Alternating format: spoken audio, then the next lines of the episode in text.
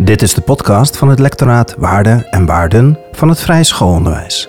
Steiner zegt dan heel gek dat het helemaal niet zijn idee was geweest om scholen te stichten speciaal voor de vrije school. Dat was niet zijn idee. In deze aflevering ontmoet ik Christophe Wiegert.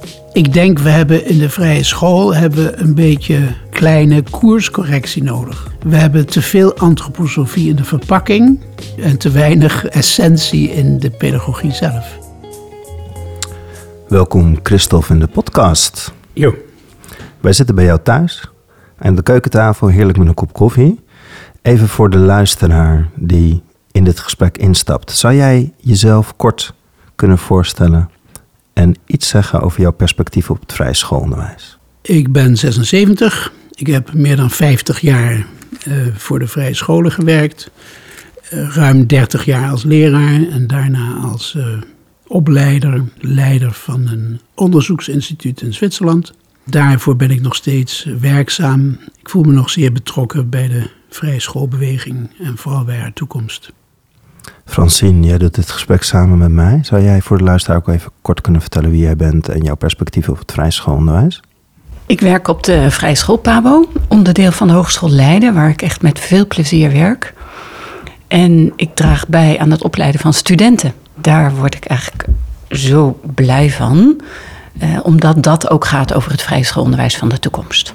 Christophe, je hebt het boek geschreven In het midden de mens, de bronnen van goed onderwijs. Als jij in jouw bewoordingen zou zeggen, wat is vrij schoolonderwijs? Waartoe is vrij schoolonderwijs? Ja, dan zou ik zeggen dat vrije schoolonderwijs ernaar streeft om de kinderen door goed onderwijs een dusdanige basis te geven in hun gezondheidssfeer, dat ze daarmee een leven door kunnen. Dus het is voor mij een vooral, je zou kunnen zeggen, een hygiënische impuls. We weten tegenwoordig dat gezondheid ook kan schaden. En uh, wij willen graag uh, dat vermijden. De kinderen zoveel, laten we zeggen, vitale bagage meegeven. Dat ze niet alleen met een goed diploma de school uitkomen, maar ook met, ja, met een stabiele relatie tussen zichzelf en de wereld. Feitelijk heel simpel. En wat bedoel je nou met gezondheid? Kijk, er is een heel interessante tak van sport. Dat is de, het onderzoek naar de resilience, resilientie. Hoe kan een mens uh, tegenslagen die er in het leven altijd komen, of frustraties of trauma's, hoe kan hij die overwinnen? Dat onderzoek, dat kan je voorstellen, heeft na de Tweede Wereldoorlog een hoge vlucht genomen. En dat onderzoek dat wijst inderdaad uit dat de bronnen voor een levenskwaliteit die kan overwinnen, die tegenslagen kan overwinnen, inderdaad in de opvoeding van de eerste 10, 14 jaar liggen. Hoe kan ik die weg, mijn levensweg, zo afleggen dat die in overeenstemming is met mijn intenties? Als jij zou duiden de pedagogiek van het vrije schoolonderwijs, hoe zou jij dat omschrijven? Dan zou ik zeggen dat het is een beetje abstract, maar in die abstractie zit wel veel, geloof ik. Kijk, je kan zeggen, we hebben hogere functies en we hebben basale functies. De functionerende mens ontstaat als die twee functies integreren. Dus de, de opdracht van de pedagogie is de integratie, een zo goed mogelijk gebalanceerde integratie te krijgen van de hogere functies en de basale functies, zodat de mens kan doen wat hij denkt en denkt wat hij doet. Of zoals de Amerikanen zeggen, walk your talk. In hoeverre, want dat sluit ook aan bij jouw voorwoord in dit boek, speelt de antroposofie daarin een rol? Hè? Eigenlijk zeg je daar ook iets over van nou, dat vrije schoolonderwijs kunnen we op allerlei manieren vormgeven. Dat hoeft niet eens per se op een vrije school. Hè? Daar, daar heb je ook een duidelijke visie op. Kan je daar nog iets over zeggen? Hoe dan de antroposofie daarin dragend is of van belang is in de attitude van de leraar? Nou, Francine, je zegt het eigenlijk al heel precies. Als je de, de, laten zeggen, de ontwikkelingspsychologie bekijkt, die elke pedagoog nodig heeft als basis van zijn werk, dan is die bij de vrije school gebaseerd op een wat we noemen een geesteswetenschappelijke antropologie. En daarvan moet je de grondslagen natuurlijk kennen. Dat is vanuit een gezichtspunt voor de studenten. Maar ik zie heel veel jonge leraren, heel veel jonge leraren, vooral in het voortgezet onderwijs, die deze hele basis niet hebben, maar wel het hart op de juiste plek hebben, die precies aanvoelen wat is goed voor leerlingen. Dat is zo interessant. Die hebben het meer in hun levenssfeer dan in hun intellect. Dat kan ook. Een van de kerngedachten van dat boekje wat ik heb geschreven, of, of dat pamflet, dat is dat, en ik citeer daarbij nota bene Steiner, dat hij zegt: het wezen van de vrije school ligt in haar methodiek. En die ligt niet in een quasi-antroposofische lifestyle. Daar ligt die niet. Dat zegt die expressis verbis. Dat is toch wel kras.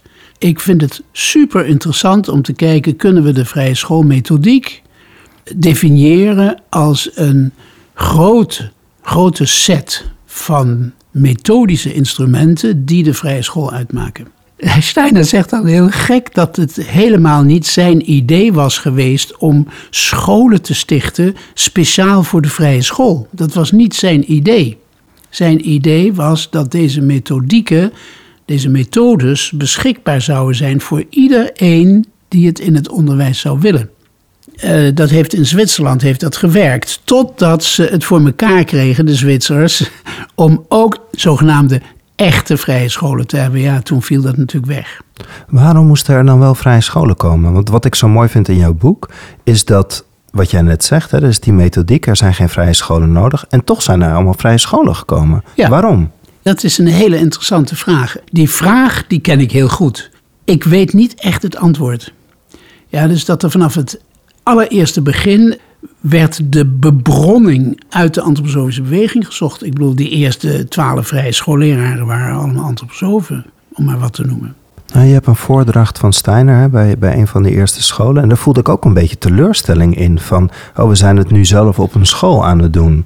Klopt mijn constatering dat je wat teleurgesteld was dat het dat het te veel naar die vorm ging van een school en niet bij die pedagogiek blijft? Dat weet ik niet, dat weet ik niet. Want je ziet ook dat uh, Steiner, omdat dat het gegeven was, buitengewoon trouw was aan, dat eerste, aan die eerste school. Zeer trouw en uh, heeft ze door dik en dun geholpen te overleven in een uiterst moeilijke tijd overigens. Maar wat ik wel weet is dat hij uh, op een gegeven moment uh, op weg naar Engeland dat boek van die Margaret Macmillan leest. Uh, Education Through Imagination, of Imagination in Education heet dat boek. Dat leest hij in de trein. En dan zegt hij tegen een van zijn begeleiders: Met deze mevrouw hadden we ook een schoolbeweging kunnen beginnen. Dat is toch verdomd interessant, hè? Zeker. ik denk dat het leuk is om nog even te benoemen wat jij ziet als de essentie van de methodiek. Dat vind ik een hele belangrijke vraag. Want het methodebegrip bij Steiner is een, uh, een complex begrip. Dat is niet een eenduidig begrip. Dus onder methodiek verstaat hij onder andere ook dat de leraar zijn methode zelf kan ontwerpen, zelf kan doen, zelf creëren. Ook. Maar dat is de ene kant. De andere kant is dat hij uh, voor de specifieke vakken zeer methodische aanwijzingen geeft. Voor het rekenen, voor het schrijven. Als je dat eens een keer onderzoekt, dat is echt spectaculair. Maar ook voor de aardrijkskunde, voor de geschiedenis, voor de natuurwetenschappelijke vakken. Eigenlijk heeft elk vak zijn zeer eigen methodiek. Dat is dus, de vrije school is multimethodisch op dat punt. En dan heb je natuurlijk een, als derde poot heb je natuurlijk de algemene methodieken. Ja, hoe ga je met kinderen om? Hoe organiseer je een klassengeheel? Hoe ga je met tijd om? Hoe ga je met ruimte om? Dus dat zijn drie hele, hele complexe uh, realiteiten die samen dat methodische je zegt een paar dingen. We hebben, we hebben methoden voor verschillende vakken. Ik beluister daar ook dus dat er bepaalde leerlijnen zijn, bepaalde fasen waarin aanbodgericht onderwijs is. Je begon net bij, bij de pedagogiek, waarin het gaat over het leren leven. Wat vraagt het van een leerkracht om dat allemaal bij elkaar te krijgen? Dat je zowel leert, maar dat ook die mens voorop staat. Ja, ik ga proberen hier eh, goed op te antwoorden, maar ik maak even een heel klein omweggetje. Je hebt de dikke van Dalen. De dikke van Dalen kent nog wel het woord geneeskunst maar niet het woord opvoedkunst. Dat komt wel voor, maar dan als titel van een tijdschrift. vrije opvoedkunst. Net zoals de Duitse, uh, het Duitse equivalent, de grote Duden, die kent het woord Erziehungskunst niet. Ze kennen wel de titel van dat tijdschrift. En dat zegt natuurlijk ontzettend veel, hè? dat Steiner met groot elan dat woord opvoedkunst in het spraakgebruik gesmeten heeft. Dat gebruiken wij nu ook. De grote vraag is, weten we wat dat is? Opvoedkunst. Hè? Dus Steiner zegt, opvoeding is veel meer een kunst dan een wetenschap. Nu komt kunst natuurlijk ook van kunnen. dus het is, eh, het, is, het is niet het uh, vrijblijvende gemodder. Je moet wel wat kunnen, wil je de kunst beoefenen. Wat je bijvoorbeeld in het woord geneeskunst ook tegenkomt. Dat is eigenlijk eh, voor mij een hele bijzondere grondslag. Hoe kom je nu tot kunst van een vak? En daar komt een andere kunst bij kijken. En uh, daarom vind ik die vraag zo bijzonder.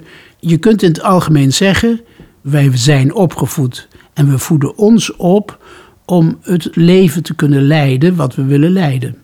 En daar heb je dus weer twee elementen. Het ene element is: kan ik de basale dingen van het leven aan? En kan ik die zo goed aan dat ik nog ruimte en tijd over heb om de dingen te doen die ik echt wil? Die relatie, dus ik kan het leven, het dagelijks leven, kan ik aan zo goed dat ik nog ruimte en tijd over heb om daar iets mee te doen.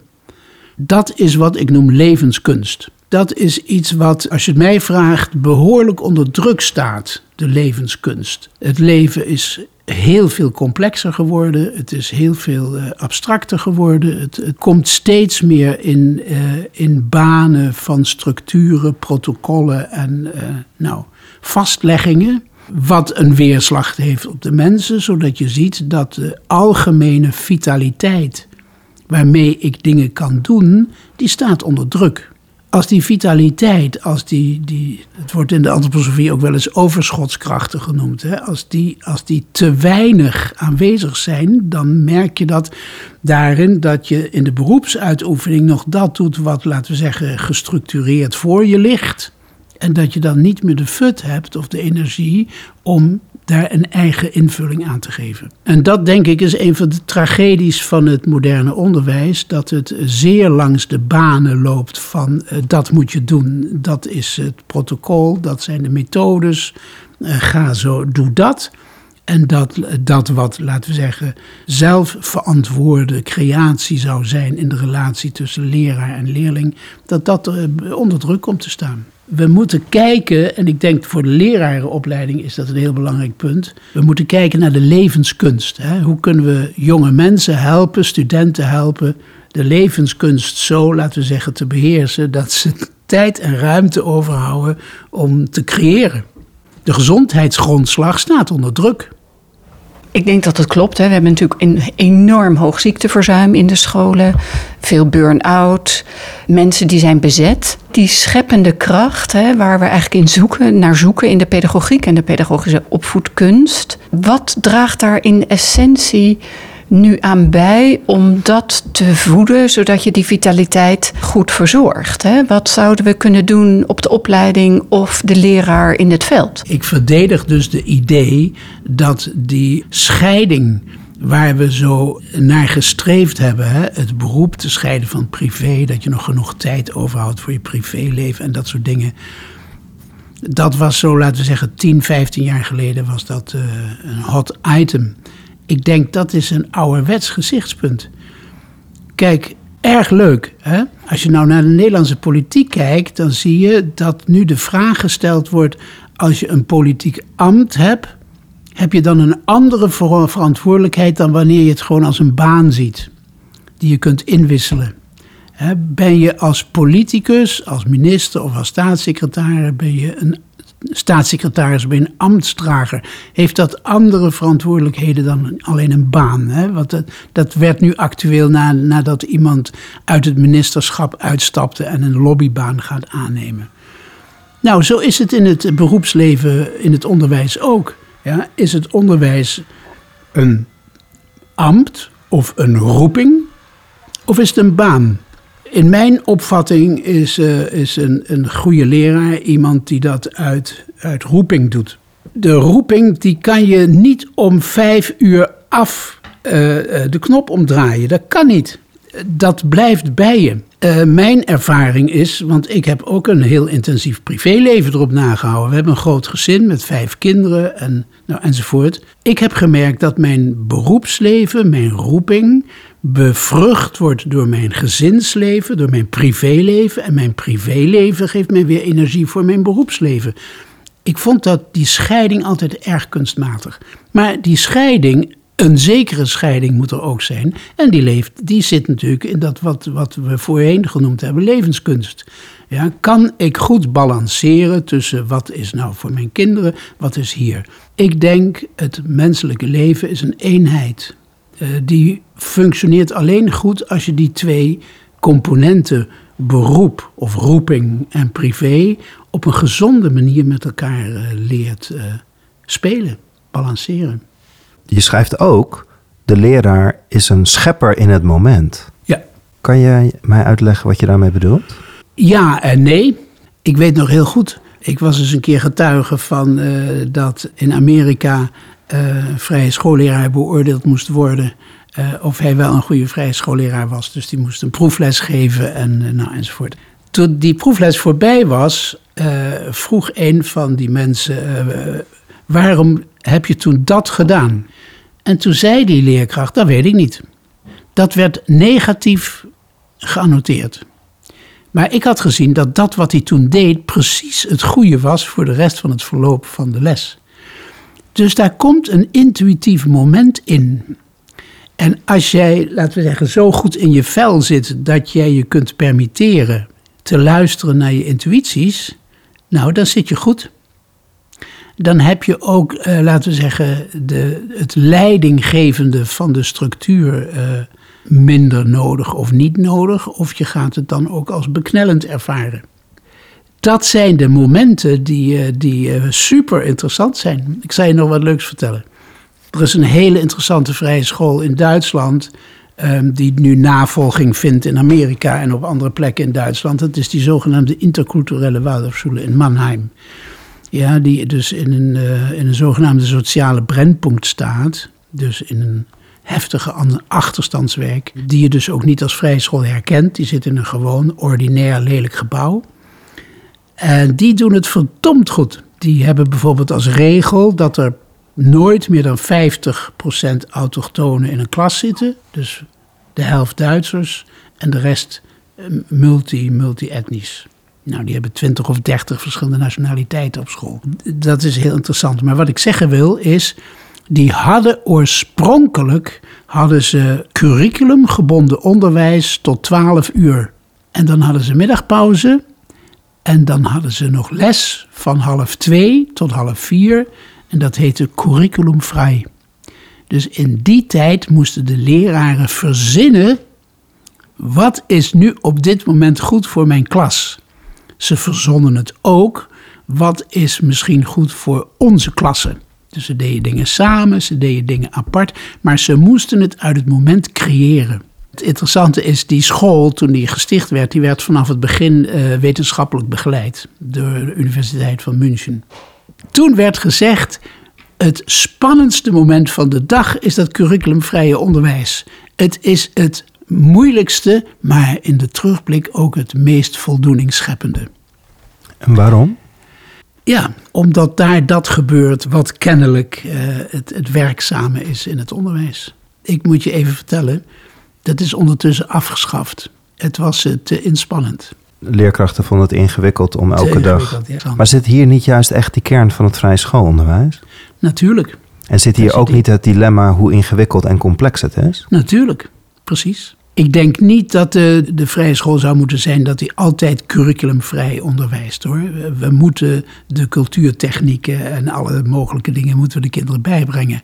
Maar in dat element kan ik het zelf creëren. Daar zit ontzettend veel in. Daar is deze oude wijsheid dat kinderen ongelooflijk precies reageren, vooral in de onderbouw, op dat wat ik probeer en niet zeker ben. En zij reageren heel anders erop dat ik alles weet en kan. Namelijk minder. En iedere leraar die eerlijk is voor zichzelf, die weet daar waar ik mijn best voor moet doen omdat ik er niet zo goed in ben, dat werkt in de klas altijd beter dan de vakken waar ik perfect in ben. Dat zijn geheimen, maar die zijn wel leuk. Dan hebben we het over de scheppende fantasie, het ontwikkelen van de intuïtie. En als je daarin nu toekomstgericht kijkt hè, naar het vrije schoolonderwijs, wat wens je de scholen dan toe? Wat zouden we misschien anders moeten doen? Waar zou meer aandacht naartoe moeten? Zou je iets over dat toekomstbeeld kunnen zeggen? Ik denk, we hebben in de vrije school hebben een beetje, als ik dat wat hard mag zeggen, een kleine koerscorrectie nodig. We hebben te veel antroposofie in de verpakking en te weinig essentie in de pedagogie zelf.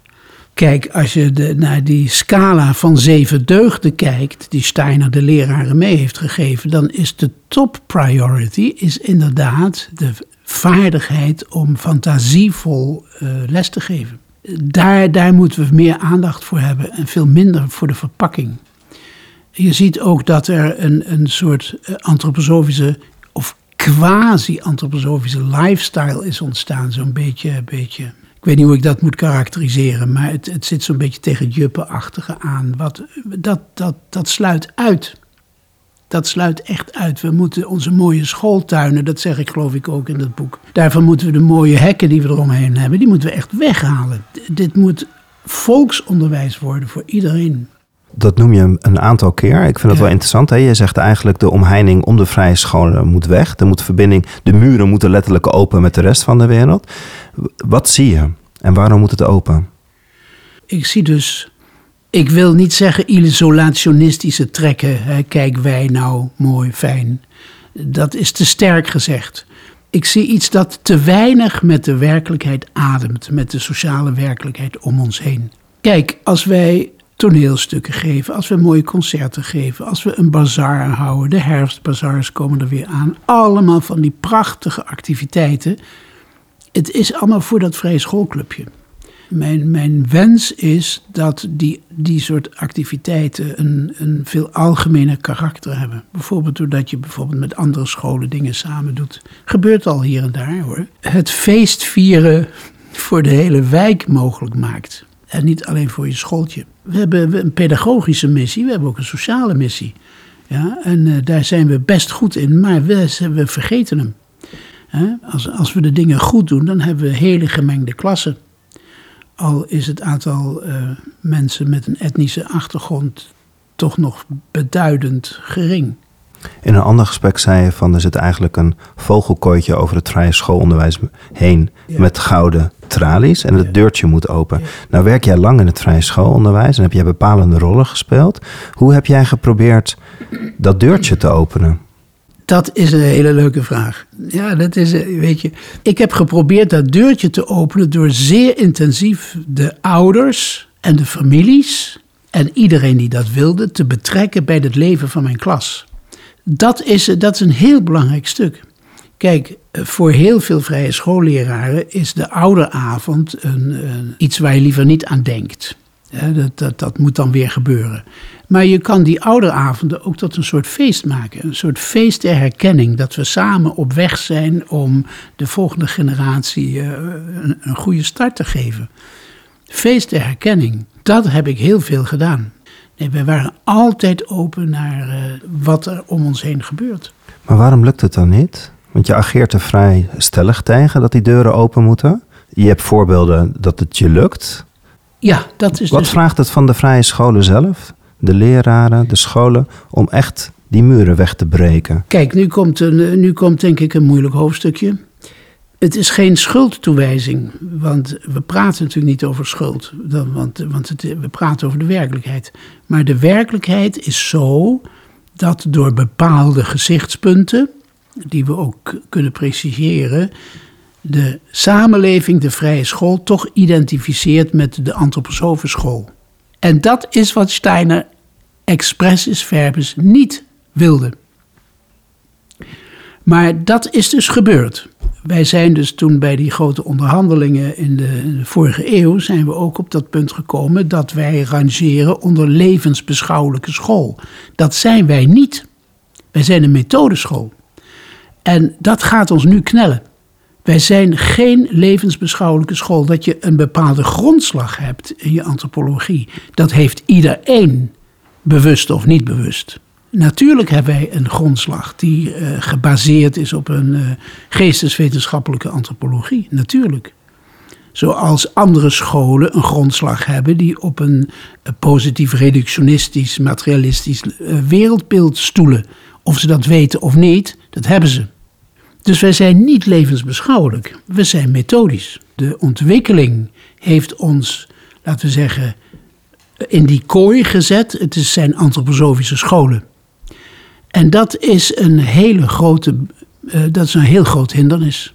En hoe komt het dan, als het een methodeschool in essentie is, dat het weggedreven is? En waarom voelen mensen van buiten deze vogelkooi zich niet uitgenodigd om in te stappen? Nou, precies om die reden. Ik zeg dit, hè. Dit is heel gevaarlijk wat ik nou zeg. Hè. Dus heel veel colleges die zijn uh, heel geïnteresseerd in uh, diepere gezichtspunten in de pedagogie. Maar ze krijgen wel de gewone Malmberg-methodetjes in huis.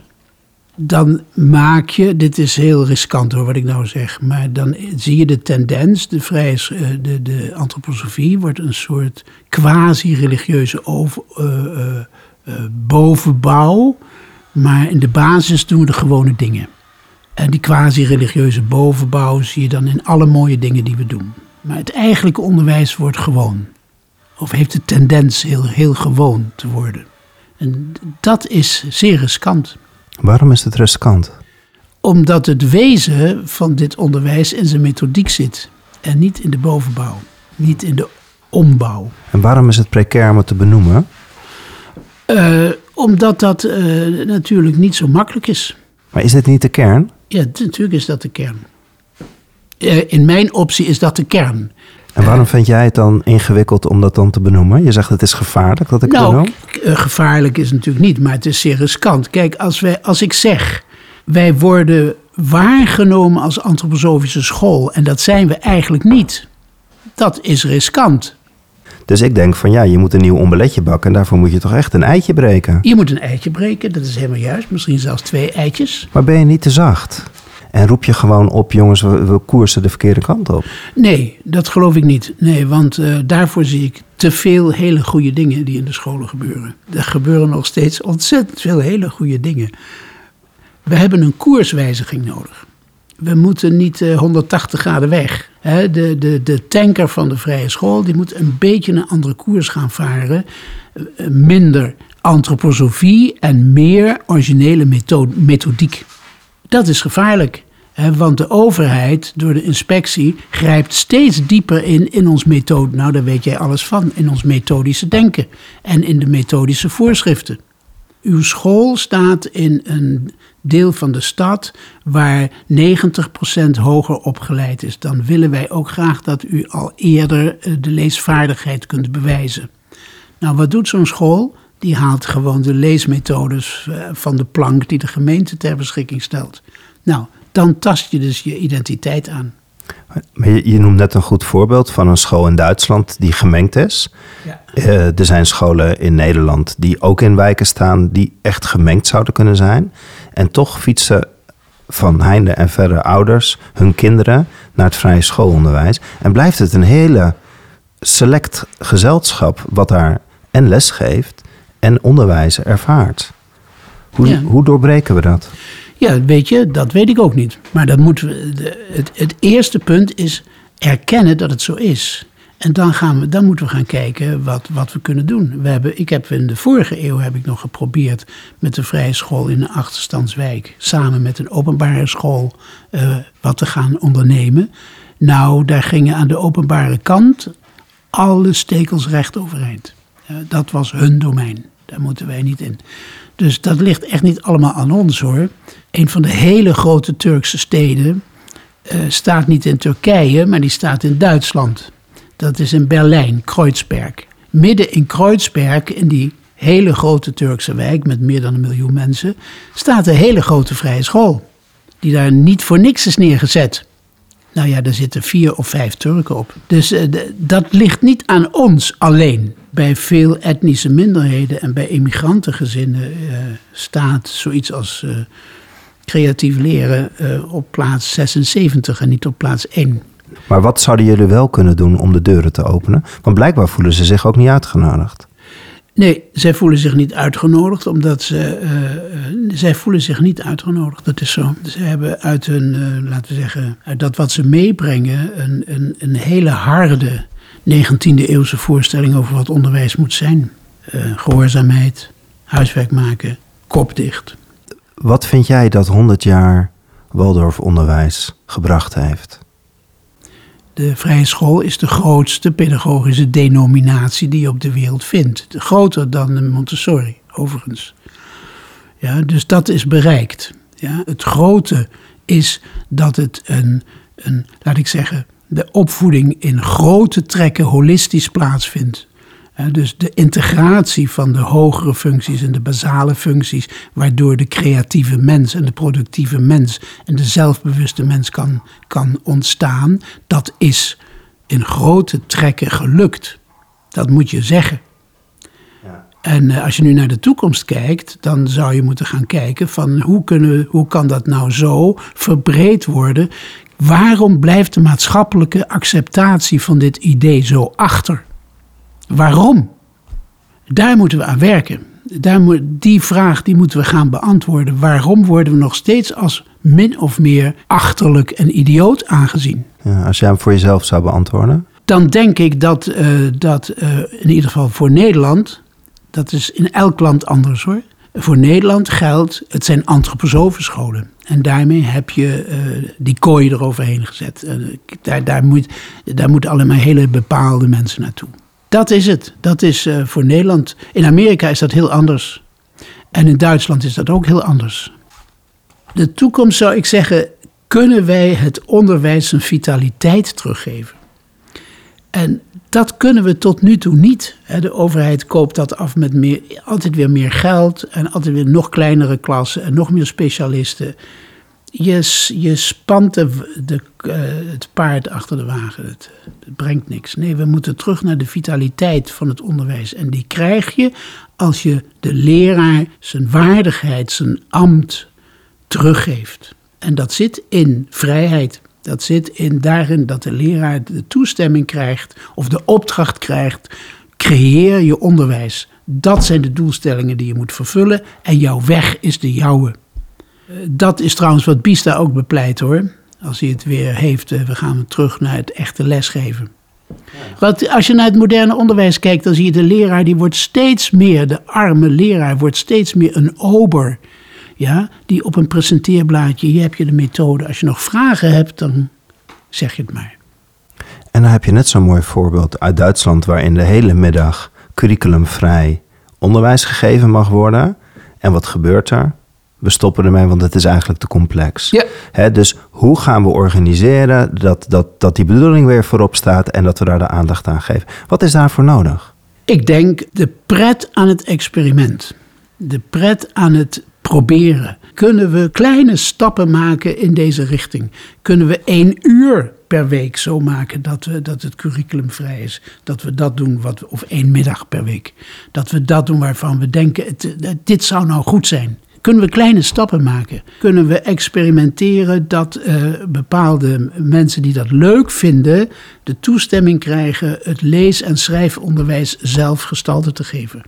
Op grond natuurlijk van die, eh, van die antropologische grondslag. Want daar is heel veel onderzoek naar gedaan ondertussen. Eh, ik moet even denken aan die kikker die in dat water zit en elke keer wordt het water een beetje warmer en uiteindelijk is het kokend.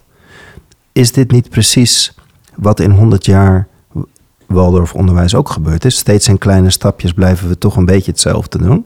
Moet het niet iets radicaler? Vraagt het niet iets anders van leiderschap? Vraagt het niet iets anders van, van leerkrachten die zeggen: nee, dit is de essentie niet, we gaan het anders doen? Dat weet ik niet. Want als Ik we het geloof- een uurtje ik- doen, dan, dan, dan Ja. maken we toch geen verschil, Christophe? Ik denk dat het onderwijs altijd de evolutionaire weg gevolgd heeft, niet de revolutionaire weg. Ik denk dat dat ook goed is. Wat niet wegneemt dat ik natuurlijk de salami-techniek heel goed zie. Ja, die toegepast wordt. Elke keer weer een schijfje meer weg van je, van je laten we zeggen, authenticiteit.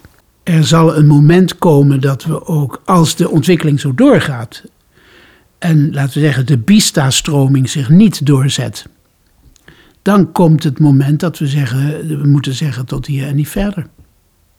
Maar dan heb je een zekere kracht nodig dat je kunt aanbieden wat je wel wil. Waar ik erg naar hoop is dat mensen gaan ontdekken dat uh, de antroposofie een verwijding, een verbreding van je horizon is. En niet een vernauwing. Zou je het wel kunnen schetsen als die muren open zijn? Als, de, als, als er meer verbinding is tussen de vrije scholen, het reguliere onderwijs, de wijken. Nou, Hoe ziet het eruit? Weet je, een van de dingen waar uh, ook de tegenstanders van de vrije school van moeten zeggen, dat was een geniale greep, dat is dat idee van het periodeonderwijs. Dat is echt een geniale greep. Je, je onthaast het onderwijs. Je kan drie weken lang elke ochtend twee uur of anderhalf uur aan hetzelfde besteden. Het is een fantastische onthaasting. Je kan meer doen, je kan dieper doen, je kan allerlei zijwegen bewandelen. Dat is het echt. Dat zou zo onderwijs moeten zijn. Nou, stel je voor dat een aantal scholen in het openbare onderwijs het zou aandurven samen met ons, en een beetje hulp van, van hun daar in Leiden, om bewijzen van experiment periodeonderwijs te geven. Moet je je voorstellen wat dat zou betekenen. Of dat we, dat we die idiote pressure weghalen van uh, een kind moet in die tijd dat gekund hebben en dat moet het kunnen en dat moet het kunnen. Dat wordt bijna per maand afgerekend tegenwoordig. Stel je voor dat een paar scholen de moed zouden hebben te zeggen: nee, dank u, dat doen we nou even niet. Wij gaan gewoon naar die kinderen kijken en een leraar die zijn kinderen kent, die weet toch wat zijn kinderen kunnen. Je ziet in het middelbaar onderwijs uh, Agora-scholen als paddenstoelen uit de grond. Uh, tienerscholen, je ziet veel basisscholen die helemaal ontwikkelingsgericht zijn, die van 0 tot 18 denken. Halen die de vrije school in die zin een beetje in? Dat denk ik niet. Ik bewonder erg wat ze doen. Maar we hebben toch een, uh, een, een, antropologische grondslag die tamelijk uniek is hoor.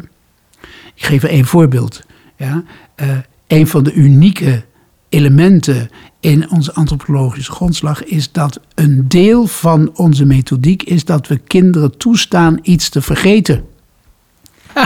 Nou moet je eens in het openbaar onderwijs kijken waar je toegestaan wordt wat te vergeten. Nou, dat is een doodzonde. Nee, wij zeggen als kinderen niet mogen vergeten, kunnen ze ook geen goed geheugen opbouwen. Dus we gaan ze dingen laten vergeten en na een paar maanden halen we ze weer terug. Dat is antropologisch verantwoord lesgeven. Want dat weten we allemaal. zelfs de, reguliere wetenschap weet tegenwoordig dat de nacht, eh, de, de slaap, een hele grote rol speelt bij het verwerken van de onderwijsinhouden. Nou, waarom gebruik je dat dan niet? Nou, wij gebruiken dat in het hoofdonderwijs. Om maar wat te noemen. Snap je? Dus dat soort dingen, uh, daar, dat denk, daar zit wel een unique selling point dat is zo interessant, hè, dat Rudolf Steiner zegt, maar de methodiek kan je overal toepassen als je het wil. En ik denk, als je dat doet, dan komt vanzelf jouw interesse in deze antropologische grondslagen. Ja, dus dat is toch meer bepalender dan alleen de methodiek. Als ik wil begrijpen waarom ik in het rekenen uh, niet van het optellen uitga, maar van alle vier rekenbewerkingen tegelijk, heb ik een antropologische grondslag nodig. Die hoef ik nog niet te weten als ik een beginnend leraar ben. Maar ik begin met de vier hoofdbewerkingen tegelijk en ik, zie, en ik begin vanuit de eenheid van, van het getal. En ik zie dat dat werkt. En ik zie dat ik er pret in krijg, omdat ik ontzettend veel meer mogelijkheden heb om wat te doen. Dan denk ik, Jezus, wat zou, hoe komen ze daar nou op? En dan ontstaat deze nieuwsgierigheid. Precies hetzelfde met het lezen. Ja? Steiner zegt expressis verbis. We schrijven eerst wat we nog niet kunnen lezen. Nou, daar is heel veel super interessant onderzoek in China. Dat, uh, dat, uh, dat in Amerika gepubliceerd is over het eerst schrijven en dan lezen. En dan ontstaat er gewoon geen dyslexie. Ja, dat is toch fantastisch? Ja, dus in al die culturen, dat is dus nou, dat is onderzocht, waar de kalligrafie begint voor het lezen, kennen ze geen dyslexie. Dus eerst de, de, grove motoriek, dan de fijne motoriek en dan het lezen. Dat is toch interessant? Oliver Sacks heeft daarop gewezen in zijn uh, voorlaatste boek, The Mind's Eye. Ja, en uh, dat heeft Steiner aangewend. Dus daar heb je een antropologische grondslag waarom iets zo moet gebeuren. En dat is een van de dingen die, wij, die, die ik vind dat een vrije school zou moeten, moeten uh, koesteren. Dat die volgt wat gebeurt er in, in, in het wetenschappelijk onderzoek. En wat is van belang en wat is niet van belang. Stel je voor, je hebt een oude avond en de, de leerkracht uh, van de vierde klas of van de tweede klas of van de zesde klas kan op dit punt interessante dingen meedelen aan de ouders. Zeg, kijk, dat is aan de hand, wij doen het zo. Waarom? Kijk, zo. Weet je, dan denk ik, dan, uh, dan doe je iets goeds. Ik zie enorme sprankelingen in je ogen. Maar als ik, toen ik het boek aan het lezen was, voelde ik ook wel een verstarring. Uh, daar wringt het, daar wringt het, daar wringt het, daar wringt het. Dus ik vond dat je heel mooi kon aanwijzen hè, wat niet klopt of wat niet mooi in balans is met elkaar. Maar ik zoek ook even naar de, naar de bemoedigende woorden, die ik wel in je ogen zie, maar heel moeilijk door jouw woorden heen lees. Ja, dat zou wel jammer zijn. Hè? Dat zou wel jammer zijn, want ik ben geen pessimist hoor, over, over, over het onderwijs en de vrije scholen. Uh, verre van dat. Ik uh, ben er nog steeds super enthousiast voor. Omdat ik weet, dat is het onderwijs van de toekomst. Maar zoals ik er straks al probeerde te zeggen, ik denk, uh, we moeten ons nieuw positioneren ten aanzien van de sociale werkelijkheid om ons heen. Wat de werkwijze betreft moeten we evolutionair te werk gaan, niet revolutionair. Plantkunde en dierkunde mag iedereen nog zo geven als die wil. In de vierde en de vijfde klas. Want dat zijn ongevaarlijke vakken. Hè? Daar weet je alles van. Ja, nou doe dat nou ook eens met rekenen en taal. Want om die vakken gaat het. En ik heb ook helemaal niet het gevoel dat we veel bemoediging nodig hebben. We moeten gewoon even de dingen nieuw onder ogen zien. Ja, een hele hoop verpakking kan weg. We kunnen de, de, essenties beter onder ogen zien en kijken of we wegen vinden om in die essenties, in dat veld van de methodiek, ja, uh, dingen te optimaliseren. Meer leren is een van die dingen die geoptimaliseerd kunnen worden. En we zijn met ons, dat, uh, dat is dan weer een negatief dingetje als je wil. Ja, we zijn met ons vreemde talenonderwijs ver achter bij dat wat, uh, wat uh, gedacht was. Nou, dat zou ik een verdomd leuk onderwerp vinden om daaraan te werken. Om dat wel te optimaliseren. Om je te richten tot de core business moet je ook iets laten. Ja. Wat zouden we kunnen laten? Nou, weet je, ook dat wil ik graag abstract beantwoorden. Kunnen we ontdekken wat verpakking is en wat is essentie? En kunnen we de verpakking dan wat soberder doen?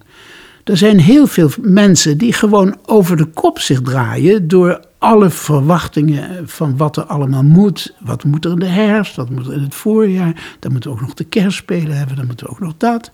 Kunnen we dat wat soberder? Ja, en wat meer uh, ademruimte overhouden voor, voor, ja, voor de vernieuwing ter plekke. Nou ja, Steiner die, die komt, die bezoekt de school en ziet de repetitie van de kerstspelen. En uh, na een kwartiertje loopt hij weg. En die avond is er een vergadering. En aan het eind van die vergadering zegt hij trouwens: uh, Ik zou u de raad willen geven om dit jaar de kerstspelen niet op te voeren. Nou, dan kan je je voorstellen hoe ze daar reageerden. Waarom? Maar, maar dokter enzovoort. Waarom dan? Nou, zegt hij, omdat dan de leerlingen zien hoe enthousiast u bent voor de kerstspelen. En ze voelen dan onmiddellijk hoe weinig u enthousiast bent voor het lesgeven. en we hebben dat uitgezocht. Dat jaar zijn de kerstspelen inderdaad niet uh, opgevoerd. Maar ja, ik heb ook scholen uh, ontmoet. Dat moet, u echt, dat moet je echt zien hoor die er diep van overtuigd waren dat de essentie van de vrije school in die verpakking zit. In de, in de bazaar, in de heerlijke schoolreisjes, in de prachtige opvoeringen, in de mooie kleurtjes, in alles dat. En het is verpakking. Francine liet me van de week even een foto zien van een paar bordtekeningen van studenten. Nou, het waren schilderijen. Ze hadden, ze hadden in het Rijksmuseum mogen hangen. En ik blokkeer. Ik denk, ja, maar dit, ik, ik zou in, voor die student zou ik nooit meer iets op het bord durven te schrijven. Hè? Kijk, dat is nou dat is een hele goede reactie van je. Ja, en uh, daar is ook onderzoek naar gedaan. Steiner wilde helemaal niet die perfecte bordtekeningen. Dat is toch onzin? Hij wilde dat de leraar de vaardigheid had zichzelf aan het bord te illustreren. Met een snelle schets. Waarom doen we wat? Waarom doen we vormtekenen? Waarom? Waarom moeten we dat nat en nat schilderen doen? Wat, wat uh, organisatorisch helemaal niet zo'n makkelijke les is. Waarom? Waarom moeten jongetjes leren breien? Waarom? Kijk, als je daar antwoord op vindt, dan, dan, dan, kom je, dan kom je op nieuwe dingen.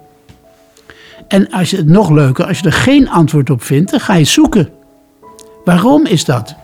Moeten de hoekjes van, van de kast afgezaagd worden? Ja, ja en vooral de, van het papier wat je uitdeelt. Eh, de hoekjes afknippen, hè? want dan kan, het, kan de ziel zich aan bezeren. we, we zijn honderd jaar oud, we moeten ons her, her, herbronnen. En daar zit nog iets, een thema in, wat je ook nog in je boekje verder op aanraakt is die oordeelsvorming. Hè? Daar doen wij in de antroposofische beweging zeg maar ook iets in naar elkaar toe. Wat zou daarin nog behulpzaam? Herken je het? En wat zou behulpzaam zijn? Natuurlijk herken ik dat. Weet je, dat weet ik ook niet. Wat ik wel weet is dat de Triodosbank, die heeft het klaargespeeld hè, om zijn identiteit zo te positioneren dat iedereen weet, daar, daar liggen uh, grondslagen uit de driegeleding. Terwijl het tegelijk een zeer open organisatie is die eigenlijk door iedereen erkend wordt. Dat vind ik knap. En zoiets zou ik ook hopen dat wij voor elkaar kregen. Ja, we weten de grondslag zit in die spirituele antropologie, die geesteswetenschappelijke antropologie, maar het is open. Iedereen kan er naartoe. Kijk, mijn paniek is dat we over 100 jaar weer zo'n mooie viering hebben als nu. Dat moet niet. Je luistert naar een podcast in de serie Waarde van het Vrije Schoolonderwijs, waar leden van de kenniskring inzichten en vragen delen over het vrije schoolonderwijs. Daarnaast komen in deze serie mensen aan het woord die vanuit hun ervaring of expertise hun licht laten schijnen op het vrije schoolonderwijs. Like deze uitzending zodat meer mensen ons makkelijker kunnen vinden. Tot de volgende aflevering in deze serie.